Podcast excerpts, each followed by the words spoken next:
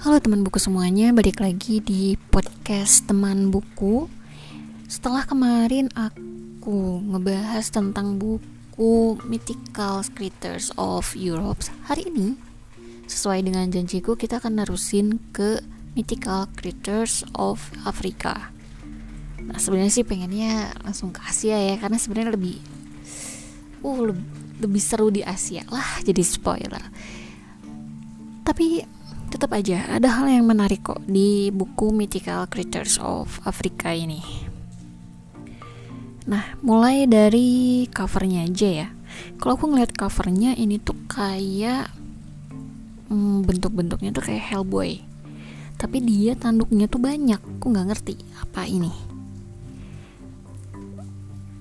Hmm, terus apa lagi ya yang aku lebih familiar mungkin ya. Ada kura-kura raksasa dan di atas tempurungnya itu membentuk sebuah pulau. Nah kalau yang raksasa ini sih sebenarnya pernah lihat cuman entah di mana gitu. Kayak pernah lihat deh di anime gitu cuman lupa judulnya Terus juga ada Unman. Bukan Unman beneran ya, maksudnya bukan Unman-nya uh, Marvel ya. Tapi bener-bener kayak manusia yang dia itu kecil dan sekecil semut bahkan sebenarnya semut pun lebih besar daripada dia jadi kayak semut itu malah jadi tunggangannya dia Terus ada lagi ular. Nah, ini ular ini kenapa bikin menarik buat aku karena ular ini panjang banget dan menjadi cikal bakal dari pembentukan alam semesta.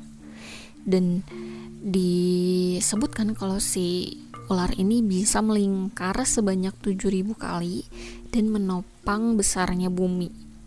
Katanya gitu. Terus apa lagi ya yang hmm, ada di sini tuh ini manusia yang mukanya tuh tengkorak. Pokoknya kayak sejenis hantu yang ada di film Disney Coco. Nah kalau teman-teman belum pernah lihat coba deh di search deh Disney Coco yang dia itu. Apa tuh yang dia tuh kayak bi topeng tapi bentuknya tuh kayak kerangka manusia gitu kayak tengkoraknya doang gitu. Teng nggak bukan tengkorak sih. Kayaknya kerangka manusia aja pokoknya. Nah pokoknya sejenis koko gitu. Nah terus yang lainnya yang ada di buku ini jujur sih aku nggak pada tahu. Jadi nggak banyak yang bisa aku ceritain. Tapi ya seperti di buku yang sebelumnya yang di yang Asia eh bukan Asia Eropa itu sama aja sih sebenarnya isi uh, bukan isi. Isinya jelas beda maksudnya apa ya bagian-bagiannya. Jadi ya ada ilustrasi ada penjelasannya ada nama lainnya dan ada juga adaptasi si criticals mythical creatures ini ke sebuah film atau novel. Tapi fun factnya adalah gak banyak yang mengadopsi mythical creatures dari Afrika ini. Jadi buku ini dari ketiga buku Eropa, Afrika sama Asia. Yang Afrika ini tuh memang lebih tipis. Karena memang gak banyak mungkin yang bisa diceritain kali ya karena yang tahu aku juga agak masih agak asing gitu kan jarang banget jarang jarang banget lihat di film-film atau di novel gitu jarang banget Cuman yang fun fact-nya yang kedua adalah katanya si Ant-Man ini diduga ya Ant-Man-nya Marvel diduga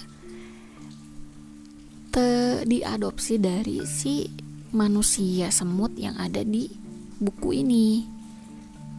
Jadi memang bentukannya tuh kecil, nggak sebesar semut sih, tapi hampir hampir sebesar semut.